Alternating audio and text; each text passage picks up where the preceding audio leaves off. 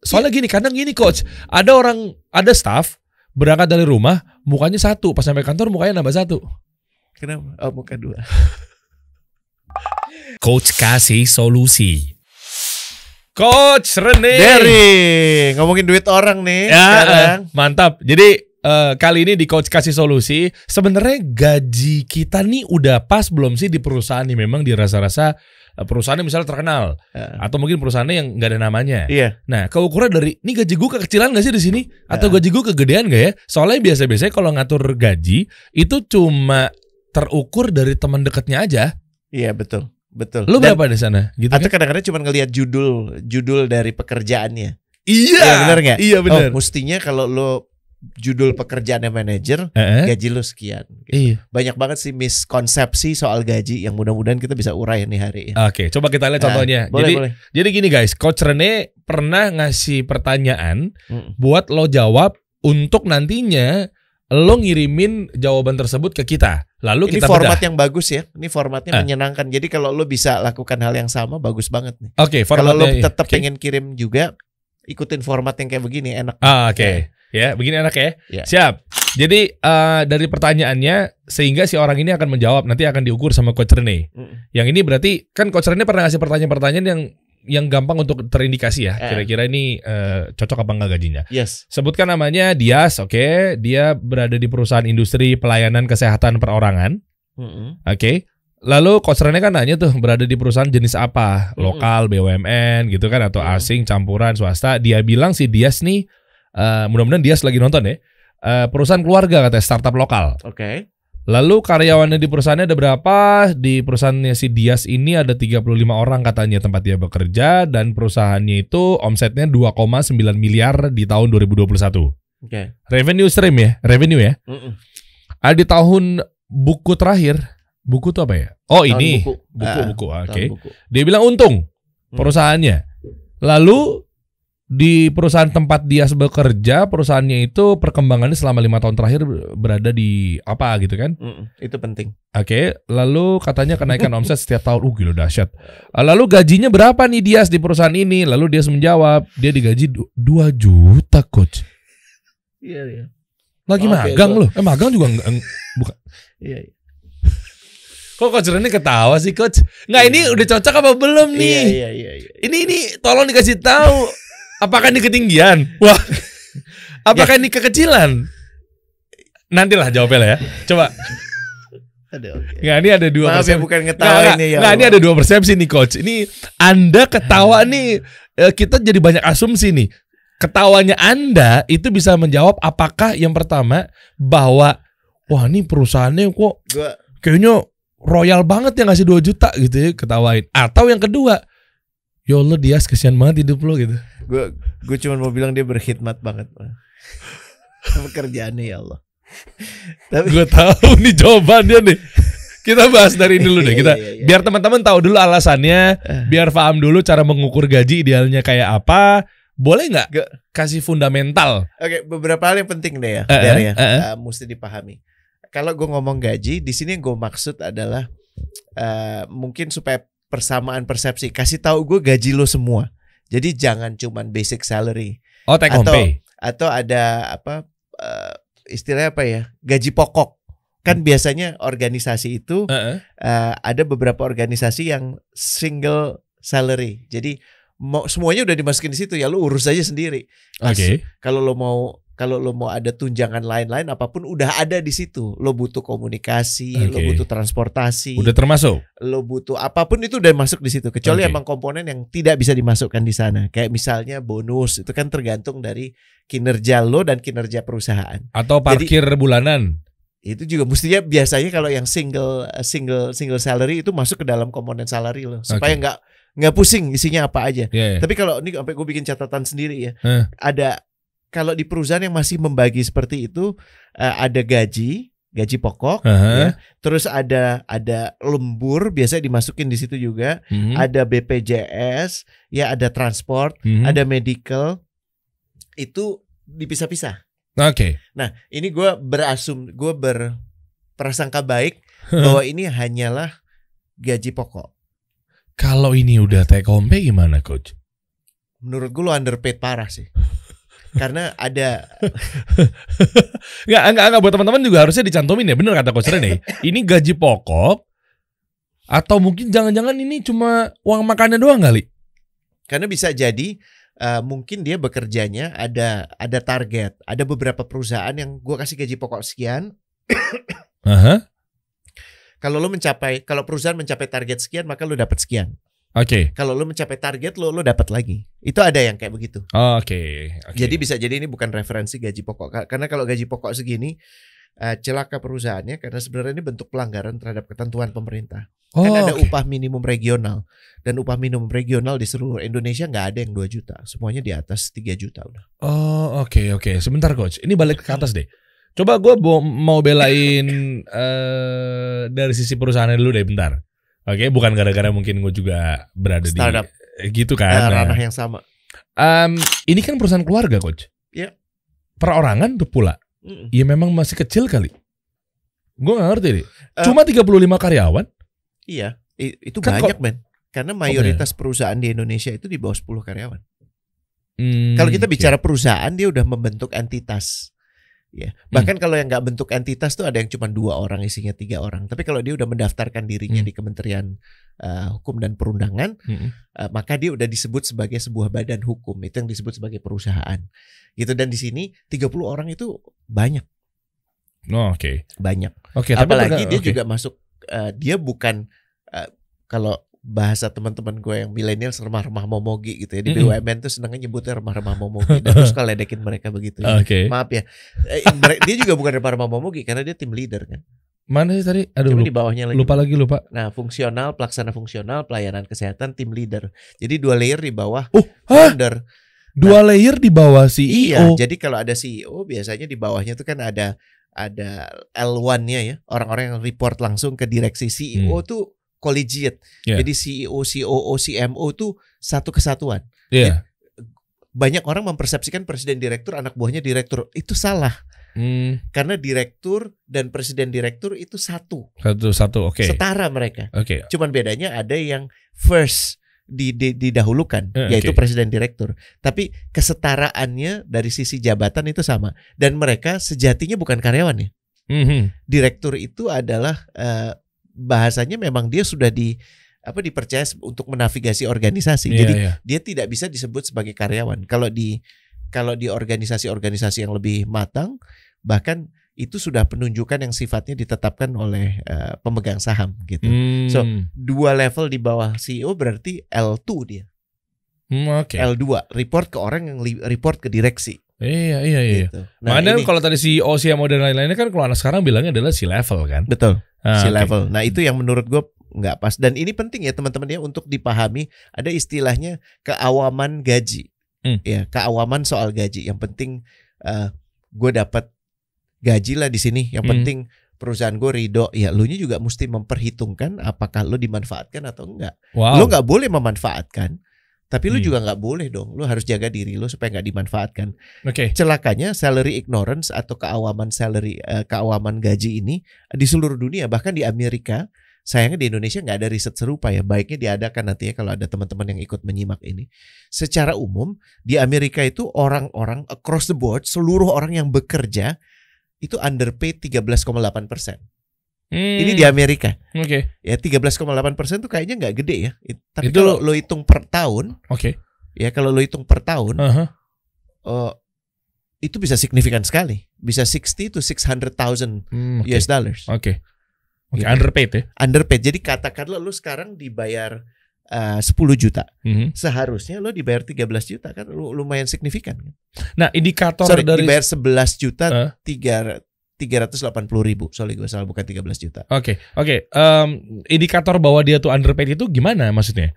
Kan bisa jadi mungkin perusahaan itu punya kebijakan-kebijakan tersendiri gitu. That's a very good question. Tapi memang itu memang hasil dari konsensus. Cuman supaya tidak ada pihak yang memanfaatkan pihak lain, biasanya dibuatkanlah eh, kalau pemerintah tuh punya UMR kan. Mm-mm. uh, upah minimum regional dan Hmm. ini diberlakukan untuk mereka yang ada di level uh, pekerja manual gitu Yeah. kayak buruh ya atau pekerja lepasan itu Hmm. emang ada. Tapi buat yang uh, pegawai manajemen itu ada istilahnya salary survey. Oke. Kan lo nggak bisa ngukur gue fair atau enggak dengan melihat kaca doang kan. Hmm. Ya ngelihat kaca terus lo ngelihat gue cakep, gue fair nih. Oke. Ya nggak bisa dong. Bisa. Kalau lo ada di industri broadcasting atau lo ada di industri FMCG deh yang banyak ya. Lo harus berkaca ke FMCG lain, fast Hmm. moving consumer good Iya. lain. Hmm. Jadi katakanlah gue Unilever, ya gue ngelihat juga si P&G bayar berapa ya, Hmm. Wings bayar berapa ya, Indofood bayar berapa ya, Iya. Nestle bayar berapa ya. Nah, ini yang disebut sebagai salary survey supaya ada ada sense keadilan di itu Oke. semua. Itu pun tidak serta merta semuanya adil karena kan memang gaji memang nggak nggak bakal sepenuhnya adil kalau dipersepsikan. Kenapa? Karena nggak boleh sama rata sama rasa. Hmm. Itu juga nggak tepat. P itu ya harus kepada orang yang perform lebih kepada orang yang nggak perform dong. Oh oke, jadi beda banget tuh antara Ini bicara basic ya, bukan bicara Iya, kinerja ya. oke. Ini bicara basic lo diterima sebagai pekerja, belum lo berkinerja di situ. Oh ya ya ya makanya makanya. Ini berarti beda dong ya antara misalnya tadi ada Wings Group Hmm. sama ada Unilever. Mm-mm. Seorang tim kreatif atau tim sosmednya Unilever sama-sama umurnya sekalipun atau bahkan levelnya mungkin dari kampus yang sama itu bisa jadi berbeda. Bisa jadi berbeda, makanya itu dibutuhkan eh, beban kerja tuh kayak gimana sih supaya perusahaan kan gini, perusahaan salary survey mungkin kalau kita bilang bukan cuman supaya nggak underpaid, supaya perusahaannya juga nggak overpaid. Hmm. ngapain ya salah satu yang kemudian jadi sangat imbalance adalah pernah satu masa kebutuhan coder ya orang yang bisa mengcoding Mhm. itu sedemikian heboh karena semua startup pengen bikin gadget pengen bikin aplikasi demandnya tinggi sehingga banget. demandnya tinggi banget Heeh. pada saat demand tinggi supply-nya tetap apa yang terjadi harga naik kan Naik pasti. akhirnya segila-gilaan untuk bisa dapetin coding ya untuk bisa dapat orang yang bisa mengcode itu bisa sampai 18 juta 20 Oh, juta oke. ini baru lulus Oh, baru ternyata- baru bisa coding Oh ternyata sama uh, pola dan alurnya itu ketika misalkan analoginya kita lagi hujan-hujan mau pesan gokar Ya. ternyata uh, Naik. mau pesan go naik kan gara-gara. Gojek nggak ada yang mau ngambil ojek online ya karena hujan. aja tapi nantinya kan akan akan terjadi apa evaluasi dan akan terjadi eh, market tuh akan menyesuaikan diri Ah, Oke. betul nggak Oke. nggak mungkin kan perusahaan bisa sustain dengan bayar satu engineer aja 20 juta Iya. iya nggak dia Heeh. mau investmentnya kayak gimana kalau kondisi lagi baik sah-sah aja tapi kalau kondisi lagi nggak baik jadi overpaid dan underpaid fundamental pertama itu bukan urusan individu aja tapi urusan korporasi Hmm. Karena pada saat individu mayoritas itu underpaid, perusahaan eh, underpaid perusahaan tuh artinya ya memanfaatkan sekali. tapi kan untuk cuan dia costnya irit kan maksudnya kalau dari sudut pandang si founder atau direktur lah ya Iya, tapi sekarang begini, akhirnya profesi itu jadi nggak diminati. Profesi itu jadi nggak berkembang. oh Paham ya ya? bagus Dampaknya bagus kita nggak bisa lihat cuman sekarang aja, tapi lebih banyak. Makanya too much or too little is wrong. Hmm, Kalau bisa ya pas. Gitu. oke. Ini masih belum memperhitungkan dimensi yang paling umum gitu Oke. kayak inflasi oh, gitu iya, ya. iya. oh Dan- dampaknya dampaknya bisa profesi itu malah jadi nggak diminatin deh Bisa nggak Iya. diminati? Ngapain kuliah capek-capek ngomong orang tua? Ngapain lu kuliah di situ? Oh, gajinya Iya. paling segini. Iya, buat apa? Gitu. Oke. Dan makanya ini kebutuhan salary survey. Gue menganjurkan kawan-kawan ya masuk ke Glassdoor ya atau eh, namanya Payscale itu memang situs asing. Ya, ini situs ini kesempatan buat kasih solusi untuk bikin salary survey Wah, sebenarnya boleh tuh ya. ya untuk Oke. checking aja dan minta kepada karyawan Mhm. untuk mengisi anonimus lu bekerja di mana, lu gak dapat gajinya berapa, pekerjaan lu bobotnya seperti apa. Nanti bisa dibandingkan yang satu dengan yang lain. Hmm. Jadi kalau lo mau masuk industri perbankan, tuh ada tuh di walaupun ini Glassdoor tuh punya Amerika, tapi Bank Mandiri, BRI, Citibank Indonesia itu ada. Oke, itu mungkin bisa ditempel di fitur barunya LinkedIn. Bisa banget. Iya kan? Maksudnya? Eh, LinkedIn ada kayak tim surveinya begitu juga di dalamnya fitur-fiturnya dia. Kayak Gojek ada Go Massage, Go uh, Live. Tapi di Oh, LinkedIn, LinkedIn kan, kayak nggak masuk. Dia, nah maksudnya dia eh, mungkin kalau dia punya ide dari Coach kayak tadi kan dia bisa masuk masukin di situ kan karena memang masih inline kan. dulu mereka sempat mau coba itu sih. Tapi Bahkan mau akuisisi Glassdoor nggak tahu jadi apa. enggak. Oh oke. Oh Ya. udah sempat ada Udah perbincangan. sempat, tapi akhirnya sekarang yang paling besar, yang paling banyak isinya adalah Glassdoor. Jadi menurut gue sebelum lo daftar ke mana-mana, Mhm. cek dulu Glassdoor. Itu Tapi kan tolak ukurnya asing coach. enggak di Indonesia juga ada. Oh Indonesia Jadi ada. kayak LinkedIn kan ada ada perusahaan Indonesia Ya, ya, di ya. situ. Oh kayak Gitu. Nielsen ada Nielsen Indonesianya untuk survei gitunya misalnya. Ini ini situs. Bukan bukan lembaga survei. Bukan, bukan lembaga Oke. survei, situs. Pokoknya lu cuman perlu masukin diri lo ke situ Mhm. atau lu pengen ngeliat bank-bank yang lo mau daftar tempat kerja itu berapa dan atau posisi tertentu yang lo tuju itu gajinya berapa relationship manager misalnya Hmm. itu berapa ini gue bikin beberapa catatan menarik gitu ya Coba coba. kayak kayak di bank financial institution itu memang paling tinggi penggajiannya dibandingkan yang lain Oke. satu-satunya bisa menyaingi mereka itu cuman startup startup yang juga difunding kalau startup nggak difunding juga nggak bisa bayar segitu Ini sebenarnya ada pembahasan khusus juga sih. Ini ini intermezzo dikit ya coach. Ya. Sorry dipotong. Eh, mengenai startup agency, kenapa mereka berani bayar gede-gede ya? Karena memang ada fundingnya. ya. iya tapi kan itu nggak sehat juga Tapi kan jadi ngerusak yang lain. Iya, jadinya kalau yang lain nggak punya funding, apa artinya lo nggak bisa jalan? Nah, Kan itu juga belum tentu kan, eh, eh, gitu. Nah ini yang mesti di mesti dilihat dan memang bank dan financial institution itu paling gede. oke. Eh, chief levelnya tuh minimum 150 Wow. sampai 200 tuh gaji eh, gaji pokok aja, belum di masih di luar bonus Hmm. ya di luar yang lain-lain. Bahkan kalau kita bicara kayak misalnya eh, bank-bank plat merah gitu ya kayak kayak Mandiri, Mhm. kayak eh, BRI itu anggaran buat direksinya itu sebelum pandemi 428 m. Masa Ini gue ngelihat di gue ngelihat di situsnya ya, jadi ada. bisa 400 dicek dong. Kalau kalau untuk perusahaannya memang dia BUMN kan bisa dicek kan? Bisa, itu kan terbuka informasi Di publik mana? kan, prospektus Iya. mereka atau atau di financial report mereka. KPK KPK? KPK mungkin mungkin data keterbukaan yang waktu itu si Aset iya. aset wing ya, Heeh. mungkin mungkin ada juga, mungkin juga enggak. Tapi enggak kalau Harta BUMN kekayaan harusnya gitu. ada. Harta kekayaan gitu. Iya, harta kekayaan personilnya. Heeh. Nah, ini kita gua pendekatannya bukan kayak wing. Kalau wing kan nyari tahu pendapatan lo berapa, pendapatannya dari berapa. Heeh. Kalau ini lo bisa mengak, bisa mengira-ngira aja. Kalau untuk direksinya budgetnya 428 M, direksinya ada 12, bagi 12 aja. Jadi pengen ngitung. Iya Jadi kan? pengen jadi kerja di BUMN. Yes. Dan Berapa sorry, tadi? ini kan ada ada Anggarannya berapa tadi? komisaris 428 M. 428 M. Mm-mm. Ngitung dulu ya guys. Hmm. Nolnya berapa ini panjang banget bos? Oke. 428 aja bagi li- bagi 12. Iya nggak biar berasa ada Ya, nolnya. Oke. Karena enak tuh kalau mindsetnya begitu tuh. Ini 2019 ya, sebelum pandemi. Ih, gue nggak hang nggak sih handphone gue? Berapa? Kok 35 miliar coach? Iya. Dan sorry, ini kan masih belum dipotong komisaris ya, ada komisaris juga mungkin 12. Jadi jatuhnya kalau dibuat rata-rata ya itu antara 5 ya sampai 8 M untuk gaji. Di luar itu ada namanya tantiem. Tantiem tuh kayak bonus buat direksi. Hah? Jadi lo mungkin dapatnya 10 atau 12, katakanlah 1 miliar sebulan. Aha, Tadi berapa? 35. 35. Nah, sisanya tuh tantiem, dibayarkannya sekali per tahun, tergantung kinerja bank lo. Wah nggak masuk akal. Nggak nggak gini gini Nah, gini. buat lo nggak masuk akal. Ini kan banknya triliunan. Nggak. Oh, Oke oke. Iya kan? Gini Ini gini gini. ri- ribuan triliun. Iya gini gini gini. Em, ini bukannya malah jadi menurut gue pendapatnya adalah nggak sehat ya. Ketika kok yang misalkan BUMN adalah sekian, tapi yang swasta sekian. Nah nggak ketemu nggak sih bahwa Nah, makanya banyak yang kemudian ingin bekerja di BUMN kalau ngelihat duitnya aja. Oh. Cuman kan bekerja di plat merah itu juga punya komplikasi tersendiri. Sangat politis misalnya. Tapi kan ada yang bilang juga gini. Ini gue punya teman nih, tapi gue nggak usah sebutin namanya lah. Misalnya ngobrol tiba-tiba kayak, ah lu mah enak bagana begini-begini. Dia ngeledekin gue. Gue terus dia bales, eh gue cuma apa sih PNS, gue cuma apa sih BUMN. Gue nggak tahu deh. Apakah memang yang di bawah dari para direksi dan jajaran itu tiba-tiba Iya, iya. jomplang? Iya iya, ada seperti itu. Ada kecenderungan seperti itu. Salah satu ukurannya yang paling gampang gini.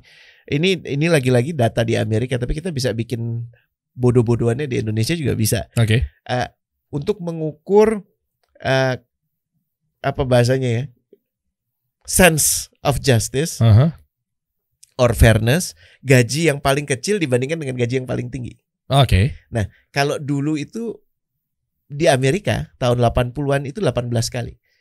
18 Jadi si kali kecil- gaji. gaji yang paling kecil itu Oke, let's say misalnya gaji yang paling kecil berapa? Li- L- 18 kalinya gaji orang yang paling gede Misalnya kita ngomong yang coba realistis ya. Heeh. Paling kecil misalnya 4 juta. 4 juta Eh. kali 18 itu gaji CEO-nya Gaji CEO-nya 18 ya. Sebentar, misalnya kita ngomong 4 juta kan bener UMR segitu ya? sekitar segitu. Oke, 4 Ini juta. tahun 80-an ya. Iya, iya, ya, Eh. tahun 80-an kali 18. Eh.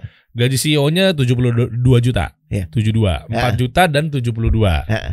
Kalau di sekarang Nah, coba lo Misalnya bikin 4 juta lagi kan? Heeh. Di, di, di- 4 juta jadi pembagi aja kan tadi misalnya Oh, iya, UMR iya. kan masih ada. ah, ah, Katakanlah 10 juta 10 deh, deh, untuk di 10. bank ya. Iya. Kan tadi berapa? 30 M kan? 35. 35 M Ah, ah. bagi 10 juta. Sorry, 35 M itu kan per tahun. Iya, per- Bagi 120 juta deh. Atau 100. si 35-nya. Heeh. Iya dong, Eh, bener kan? Bener kan? Heeh. 35 bagi 35. 130 juta kan ada ada tunjangan hari raya. Iya, 35 M kan? Heeh. Dibagi 120 ya kali ya? 130. 130. Oh, ada ada THR ada ya. THR. 130 Mm-mm. juta. Ini gimana sih nolnya? Eh. Oke. Ngitungin duit orang ya. 269. There you go. Oh. 269 kali. Dan ini 10 juta itu udah level officer ya, bukan yang paling rendah. Oh iya iya. Kalau iya. yang paling rendah tuh biasanya UMR, tapi mungkin juga mereka udah bukan pekerja di situ. Biasanya eh, subkontraktor Ah, oke. ya atau mungkin orang yang baru habis lulus intern dia bekerja di sana mungkin gajinya sekitar 6 7 juta atau Oke. 8 juta. Oke, Pertanyaannya kenapa jomplang banget ya di tahun 80 sampai sekarang? Maksudnya apakah ada yang ngegoreng? Menurut lo? Oke, kita fokus lagi mengenai ini sensitif banget. Oke. Ini ini sensitif banget nih pembahasan nih. Hey. Ja- jadi memang jangan ignoran ya kawan-kawannya. Eh, gue cuma ingin memberikan ilustrasinya begini. Apakah beban pekerjaan orang yang jadi leader itu lebih besar? Pasti. Iya dong. Tapi seberapa besar kemudian dia layak mendapatkan 200 sampai 300 kali lipat dibanding orang yang paling biasa di organisasi Oh itu. itu berlebihan sih. Itu yang jadi pertanyaan. Iya sih. Dan ini men- ini disorot besar di apa di di Kongres Amerika Serikat, tapi nggak akan ada solusi. Kenapa? Karena pendonor para politisi di sana juga kan perusahaan-perusahaan dan perusahaan-perusahaan yang mengendalikan tentunya Oh, adalah orang-orang ini. Jadi memang ada Kapitalis. ada kapitalistik yang saling saling menguntungkan. Hmm. Gue cuma ingin menyampaikan begini. Kita kembalikan lagi ke kaidah kita sebagai muslim Hmm. bahwa yang namanya rezeki itu bukan gaji. Hmm, oh iya dong. Paham ya? Iya dong. Jadi lo mungkin bergaji 10 juta tapi barokah. Iya. 10 juta lo itu bisa dimakan enak, hidup lo tidur tenang, istri lo sehat, Iya. anak lo sehat, semuanya enak. Oke. Ada orang gaji satu miliar, tapi dia nggak bisa menikmati gajinya karena dia takut kalau dia menunjukkan kepemilikannya, maka KPK akan datang, maka orang-orang akan datang. Atau mungkin akhirnya dia tergoda untuk punya istri kedua, ketiga, keempat. Ya Iya. tentunya itu pilihan ya. Iya. Tapi akhirnya bisa dibayangkan mana yang sebenarnya merupakan rezeki lo. Iya. Jadi bukan itu. Iya. Gue cuma ingin mengatakan bahwa baiknya kita semua melek bahwa soal penggajian ini baiknya kita seriusi lebih mendalam karena eh, keawaman akhirnya akan membuat kita bodoh. Iya. Dan bodoh akan membuat kita nggak peduli. Oke. Ini bukan masalah menetapkan apa yang layak nggak layak buat orang lain. Ini untuk menetapkan sense of sense of decency aja, tahu? Sense of Hmm. decency ya. Gimana? Kepantasan aja Oke, yang tadi lo oke. bilang Oke. lo kan nggak punya background ekonomi atau apa tapi kan lo bisa bilang kalau dulu 18 kali mungkin naik-naik jadi 30 kali masih oke lah ya Wajar, iya. tapi ratusan kali 269, Bos. paham nggak Heeh. ngerti ya Iya. jadi kaidah ini menurut gue penting untuk dipegang makanya eh, salah satu indikator negara itu baik keadilan sosialnya terjadi Hmm, oke. Oke, dapat ya guys fundamental pergajian, Hmm. keukurnya gimana, ininya gimana? dan rezeki itu ada ada ada bentuknya kan nafkah ya Hmm. nafkah itu sama dengan manfaat kata dasar bahasa Hmm, Arabnya hmm. nafakoh Hmm. kalau diilustrasikan nafakoh itu kayak ini loh der Hmm. kayak bejana yang mengeluarkan air Hmm. tapi orang kan fokusnya pada airnya keluar ya Iya. cuman dia lupa supaya bejana itu bisa mengeluarkan air harus ada air masuk kan Eh, iya iya dong. Iya kan jadi Heeh. kalau yang diisi susu yang keluar Ya susu, kalau yang diisi madu yang keluar ya madu, diisi comberan yang keluar comberan. Nah, hati-hati. Kita dalam bermanfaat itu fokus kita adalah mengisi diri kita. Ini bukan dalam konteks menunjuk orang per orang, wah lu nggak adil, bukan ya? Heeh. Ini bukan menunjuk direksi dari eh, organisasi tertentu dikatakan oh lu berlebihan, bukan.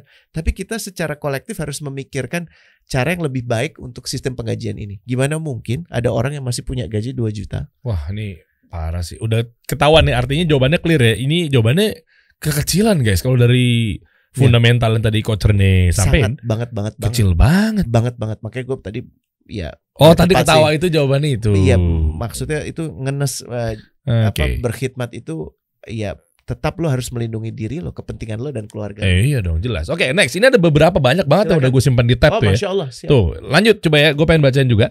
Berapa seharusnya gaji saya? Nah, itu headline-nya. Lalu namanya Reza, dia bidang industrinya kerja di Berarti online e-commerce grocery. ya. Ini e-commerce nih. Oke, eh, startup. Lalu jumlah karyawan di perusahaan tersebut adalah 200 sampai 300 orang. Revenue per minggu 10 miliar. Lo mesti inget ya, kalau perusahaan-perusahaan kayak gini online dia marginnya tipis sekali ya. Eh, Mungkin di oke. bawah, udah dipasti di bawah 5%, bahkan mungkin cuma 2-3%. Gua potongan itu dapatnya 3% nih. Kayak misalnya Shopee itu 3 sampai 5% kalau nggak salah. Berarti kalau misalnya lu segini 10M, Heeh. ya, apalagi kalau lu punya platformnya, mungkin bisa diasumsikan yang buat Justru ini kecil. Kecil kan? relatively kecil. Malah kecil kan? Kecil. Iya. Karena dia tipis banget tuh. Heeh. Berarti 10 eh, satu persennya berapa katakanlah? 10 sa- M, 100, satu ju- 100 juta. M itu 100 juta. 100 juta. Yes. Iya, 100 juta, 100 Iya. juta. Hah, 100 juta. Jadi omsetnya itu setahun adalah eh, Ya, 400 juta per bulan. Ya berarti 400 juta per bulan, 400 kali yang apalah 12. 500 lah, 512 berarti 6 miliar. Eh, 60 miliar. Eh, Berapa tadi? 4 500 juta per bulan. 500 juta per bulan. Heeh. Berarti kali 12. Kali 12 aja. 60 miliar. 60 miliar kan? 500 juta per eh, 6 bulan. M. Hah? 6 dong. Dikali 12 500 juta. 500 juta kali 6 miliar. 6, miliar. Ya, Oh, jadi oh, kita oke. kita sekarang ngerti ya. Ah, Jadi ah. kita jangan revenue tuh un- kalau kita tahu industri tahu revenue jadi kita tahu margin perusahaannya berapa Iya. dan margin perusahaan ini ya kira-kira 6 sampai 12 M lah ya oke. ya. Jadi oke. kalau dilihat status buku sepertinya untung Eh, harus hati-hati belum tentu untung kalau menurut gua Kenapa? Eh, karena dia banyak ba- apalagi masih awal-awal Hah. itu banyak bakar duit ya untuk Oh, bisa kelihatan promosi dan segala macam. Iya, Ya, iya, iya. Lu pengalaman juga. Iya iya iya. Ya. Eh, perkembangannya adalah tumbuh pesat. Apalagi dalam tubuh pesat itu biasanya efek dari eh, mulai dikenal, bakar Heeh. duitnya lebih banyak gitu. Oke. Bisa iya, bisa enggak. Gajinya gross 6 juta coach. Jadi gross 6 juta itu bersihnya itu berarti sekitar berapa ya? I would say 5.6, 5.4, Ya segitu. 5,4, 5,5 QA engineer, jumlah layer 2 di bawah CTO. Dengan perantara VP engineer. Eh, Berarti tiga layer di bawah. Oke, biasanya dua di bawah CTO ya. gue gak ngerti deh coach. Maksudnya ini dengan perantara ini maksudnya gimana ya? Maksudnya gini, dia report ke VP engineer, VP engineer report ke CTO. Oh perantaranya si VP-nya ini. Ah. Oke. So, dengan melihat komposisi kayak ini, gue boleh bilang lo dikit-dikit tipis-tipis underpaid. Oh underpaid ya? Tipis-tipis. Karena dia engineer ya. Ah, QA oke. engineer tuh Oh, iya. lumayan lumayan senior menurut gue. Dan ini perusahaan startup yang memang basicnya IT juga ya pasti Iya. ya. Most likely harusnya Si lo netnya tuh antara 9 sampai 12. Hmm, Net ya. Berarti hmm. grossnya tuh lo bisa sekitar eh, 13 15 Oh. kurang lebih gitu. Oh, Oke. Ya.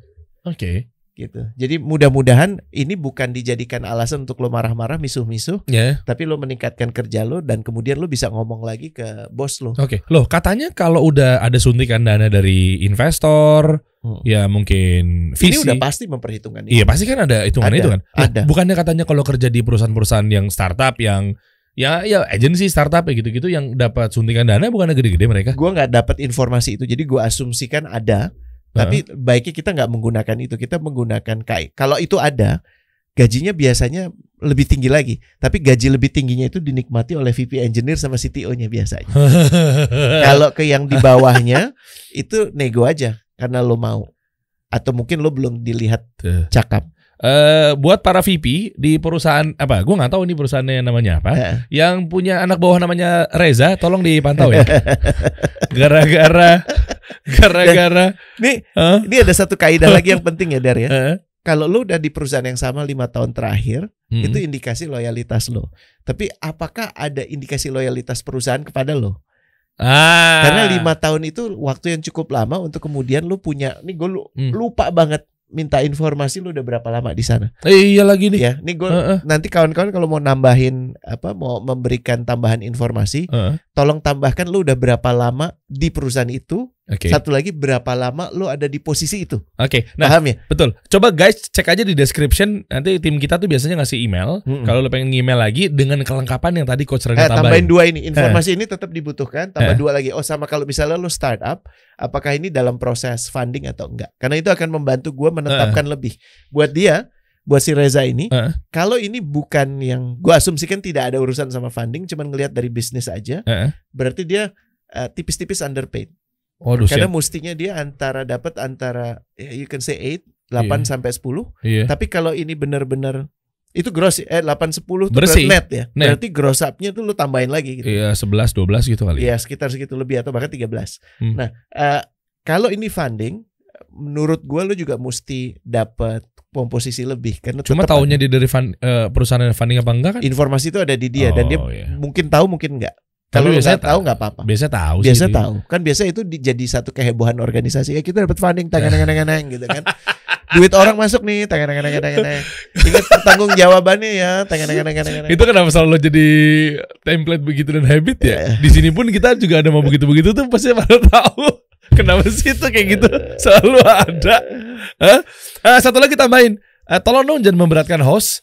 Kadang tuh manusia tuh punya fitrah untuk rasa kepo tinggi. Jadi kalau anda mau nggak mau ngasih tahu nama perusahaannya apa, minimal dikasih inisial S, T atau B atau ya kita nggak perlu lu nyebut Shopee, Tokopedia sama Bliblinya. Eh, kita paham deh ya. Atau warnanya minimal warna orange, ungu, atau mungkin hijau, atau mungkin merah. Nggak biar Aduh. ya oke lah paham ini, ya. ini underpaid ya. Eh. Uh, next dong. Aduh penasaran nih. Berapa seharusnya gaji saya? Bismillah. Assalamualaikum. Waalaikumsalam. Tabanan Bali. Uh, saya akan memperkenalkan diri saya, Ya. background pekerjaan sesuai format di caption. Apa nih? Oke lanjut aja. Langsung aja ya. Suito Catur. Catur. Uh, lengkap banget namanya nih. Eh, gitu. Ini- Rumah potong hewan unggas. Ini gue kasih informasi ya. Eh, Eh, kalau berdasarkan sektor, sektor pertanian, eh, husbandry, husbandry ini ini gitu ya, rumah potong dan segala macam, Oke. itu salah satu yang paling rendah spek gajinya. Eh, ini gua kasih Eh, tahu aja. Kita ngomong bottom. Tadi kan yang paling tinggi apa masih ingat nggak? Financial institution Iya, kan. iya, Terus salah makanya satu yang bank. tinggi FMCG gitu ya. Mm, Dan yang paling tinggi lagi nih informasinya yang gue dapat eh kalau lo ada di rata-rata Uh-uh. dari dari tingkat usia aja Oke. paling tinggi itu di republik ini orang yang usia 55 sampai 59 tanpa memperdulikan pekerjaannya across the board gajinya 4 juta. Oh, Oke. Kalau paling rendah itu antara umur 15 sampai 19 nih child worker nih kayaknya mungkin intern gitu ya 1,6 juta. Oke. Umur 20 sampai 24 tuh 2,1 juta. Mm-mm. Nah, paling tinggi rata-rata lagi-lagi Mm-mm. itu mereka yang ada di leadership dan uh, management. Gajinya Hmm. sekitar 6,5 juta. Ya. Perkebunan, perikanan dan yang lain-lain termasuk yang paling rendah paling dengan average-nya 1,7. Jadi kita harus juga memperhitungkan keadaan industrinya. Ah, itu penting. Ya. Penting ya. Cuma kalau baca kayak gini mudah-mudahan teman-teman nanti buat next yang mau ditelaah gajinya jangan begini banget ya. Maksudnya Nah, kayak tadi tuh susah enak tuh bacanya. susah bacanya. Langsung aja deh. Ya, Yang gua 10.000 gua ketemu angka-angkanya aja ya, sekitar 10.000 orang. Lalu omset perusahaannya secara nasional 25,4 triliun. Jumlah itu tumbuh signifikan 28,8 persen, 80 persen. Oh gede loh. Gede. Mm, dari realisasi penjualan eh, yang tahun lalu senilai 19,77 triliun. Perkembangannya dalam lima tahun cukup bagus dan tumbuh positif. Hmm. Gross basic salary yang saya terima 6 juta rupiah. Hmm. Jabatan saya supervisor personal eh, oh GA dia, Hmm. personal and, eh, GA. Em, ada empat layer jabatan untuk menuju ke divisi head. Jadi, oh dia tuh di supervisor, dia tuh di A tuh coach. Gue berasumsi division head itu masih di dua layer di bawah direksi. Oke, Ini emang tebel banget nih. oke. Paham Oke, ya? Oke. Nah, gue nanya lo, menurut lo gimana? Kalau dari yang tadi kita udah sempet bahas. Aduh, satu gue mungkin gak punya kapasitas, tapi gue coba asal jeplak Nah, aja ya. Nah, lo lihat gini, industrinya tadi lo udah tahu. Ini termasuk industri yang oh ini dari tingkat ketinggian berarti, apa? ketinggian dong. Equal about size, about just right, Oh, Oke, maksudnya pas gitu ya? pas. Oh kan bener kan? Pas. Soalnya tadi coach udah ngasih kisi-kisi bahwa Eh. perusahaan-perusahaan kayak rumah potong hewan apa segala macam itu justru yang paling paling rendah. paling bawah, iya rendah, Ditambah lagi kalau gue lihat dari jenjang eh, jarak layernya Yes. itu udah jauh banget. Nah, Yes. kok jauh banget itu bisa dapat 6 juta. Yes. Berarti bagus perusahaannya dong. Bagus. Bagus. Berarti dia sangat memikirkan eh, karyawannya Heeh. dan gue juga nggak tahu di bawah dia ada berapa orang, tapi asumsi gue supervisor itu eh, karena ini ada di manajemen kan. Mm. GE itu kan sebenarnya manajemen. Mm. Lo not bad gitu. Ah, Bahkan oke. bisa dibilang ya lo gue setuju sama lo. Mungkin malah kalau ini gue nggak dapat informasinya sih ya dia udah berapa Hmm. lama kerja di situ. Hmm. Makanya tolong maaf gue lupa ngasih tahu. Hmm. Lo udah berapa lama kerja di situ? Kalau dia udah lima tahun ini just right. Tapi kalau di bawah lima tahun ini lo dibayar lebih daripada Iya, iya. daripada standar. Nah, kalau kayak gitu salah siapa? Maksudnya apakah memang perusahaannya memang terlalu baik atau memang perusahaannya nggak ngerti cara ngatur gaji karyawan? Nggak mungkin perusahaan sebesar ini nggak punya salary survey. Oke. Kayak Carun tuh pasti punya ca- punya cara yang paling mumpuni. Oke. Jadi dia mempertimbangkan yang dibayar oleh perusahaan sejenis, Mm-mm. kemudian dia melihat kinerja bisnis Mhm. dan jangan lupa juga dia ngelihat si caturnya ini sendiri. Caturnya ini Hmm. kayaknya cakep banget. Jadi gue mau pekerjakan dia dan mungkin dia ada track untuk kemudian dijadikan plant manager. Gue jadi kepikiran ini intermezzo dikit. Harusnya nih perusahaan-perusahaan kayak seperti ini bayar nih ke coach kasih solusi terutama ke coach Rene. Kenapa? Karena kan demand perusahaan Anda jadi Ya, bagus kok ini. karena kan quite kesebut tadi nama perusahaannya kan PT-nya ini, PT-nya ini. Artinya valuasi dari perusahaannya di LinkedIn naik. naik. Naik. Bismillah. Visiting profile kayaknya di LinkedIn bakal banyak nih. Bagus tapi nih. Bagus. Iya, iya, Makasih iya. ya catur ya. Siap, siap. Lanjut kita. Domisilinya di Tabanan, Bali. Cakep banget. Lanjut, seberapa pentas gaji saya? Namanya adalah Tia. Dia ini adalah berusaha eh, di perusahaan B2B IT service. Mm. BUMN Hmm. Group. Lalu jumlah karyawan di sana adalah 1.700-an orang. Revenue atau EBITDA positif. Oh, dia itu oke. Oh, positif maksudnya. Perkembangan perusahaan lima tahun terakhir dinamis, banyak inisiatif yang di drive. Beberapa tahun terakhir sedang memperkuat corporate Mm. governance.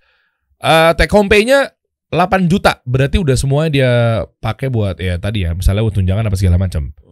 Dia adalah seorang staff Hmm. jabatannya dan selisih ke CEO sekitar 5 band atau 11 grade. Iya, itu biasanya kalau Gimana sih 5 grade band? tuh eh, band tuh ada level.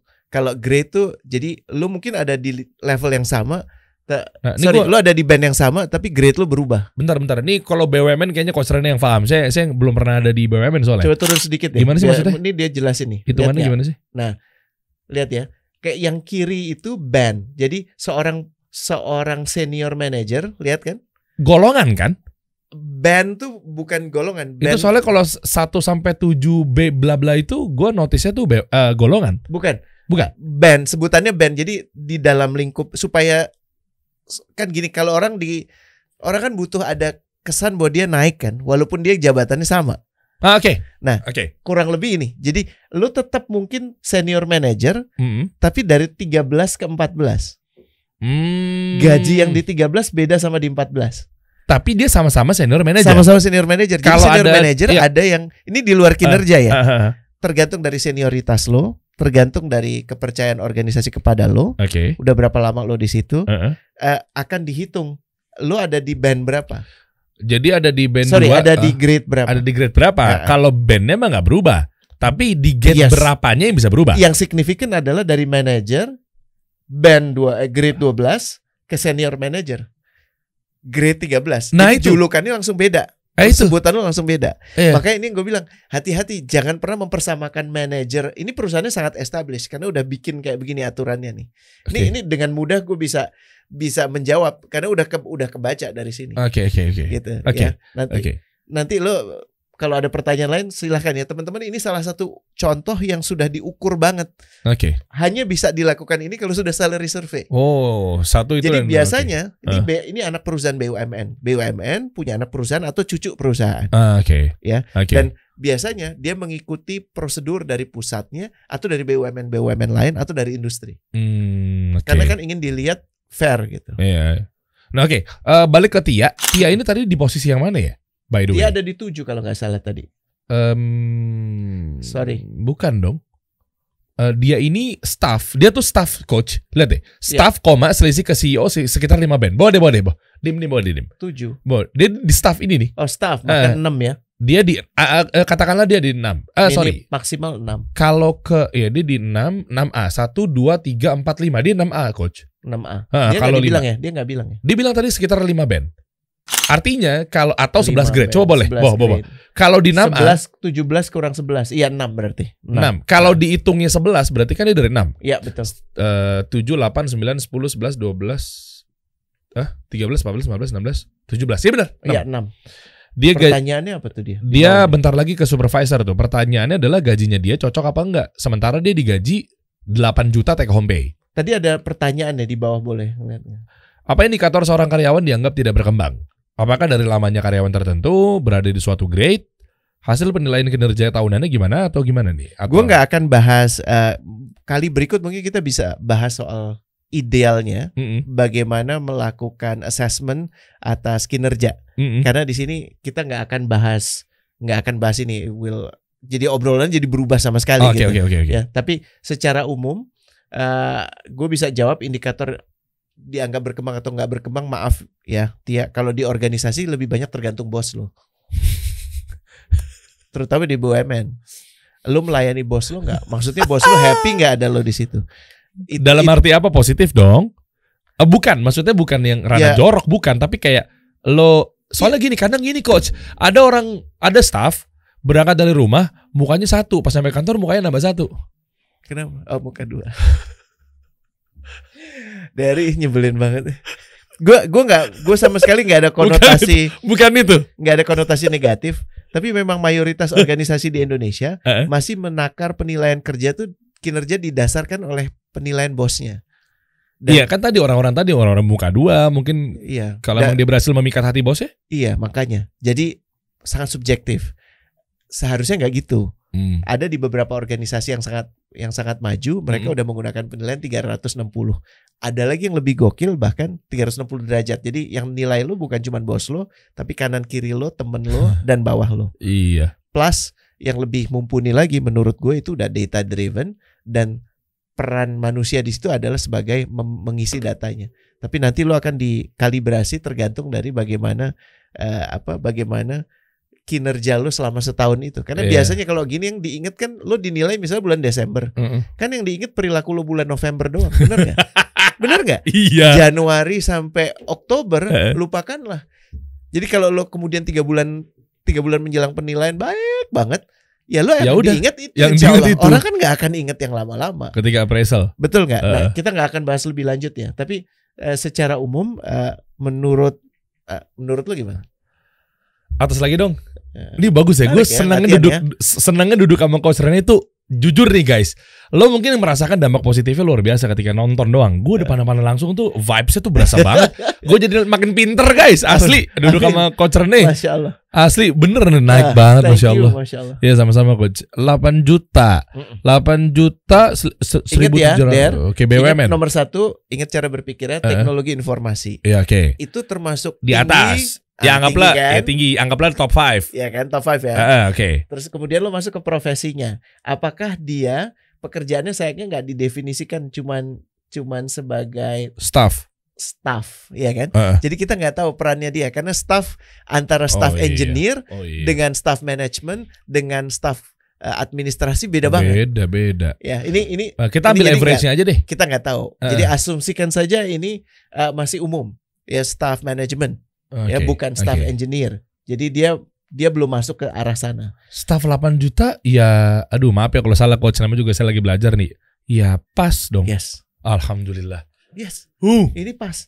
pas ya. dan dan lo bisa dengan lo melihat komposisi ini lo Eh. bisa be- menga- pas itu buat jabatan lo ya buat, Iya, iya, buat iya. pekerjaan lo apakah pas buat lo Itu kan kebutuhan Eh, lo itu- sendiri, gue nggak tahu. ya itu maksudnya ukuran kinerja dan segala macam ya Iya, tapi iya. ini biasanya di luar THR di luar bonus Hmm. dan yang lain-lain yang akan didapatkan oleh si Tia Makanya lu kalau healing jangan staycation jauh-jauh. Kalau ada orang begitu berangkat staycation bisa balik-balik lah. Kok udah nggak ada di rekening ya? Kan lu- diri lu sendiri. dan jangan pakai pay later ya Tia ya.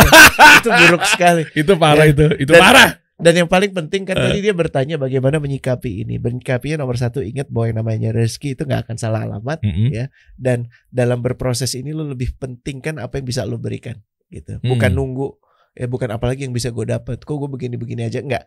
Kalau lo menunjukkan diri lo, Mm-mm. maka insya Allah akan dilihat gitu. Apalagi kalau lo genuine.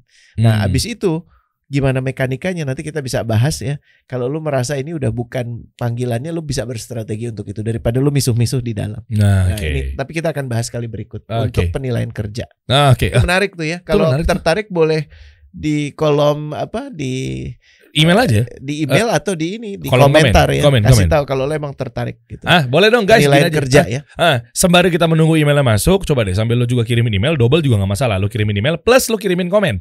Nah, jadi kira-kira eh, penilaian seperti yang tadi tuh pertanyaan di bawah, coba ke bawah dong. Nah ini, kira-kira tuh indikator seorang karyawan dianggap tidak berkembang tuh apa? Mm-mm. Tolak ukurnya karena memang cuma gara-gara lo sering masuk doang, atau mungkin lo Atau jarang mungkin masuk? ini sesuatu yang jadi pertanyaan buat lo. Heeh. Gimana lo bekerja selama ini dan gimana lo dinilai. Jadi kita bisa bahas juga sih. Ah, boleh, Bikin seperti ini. boleh, boleh, Ya, boleh. Sip, gitu. sip kita bahas next week. Coach kasih solusi.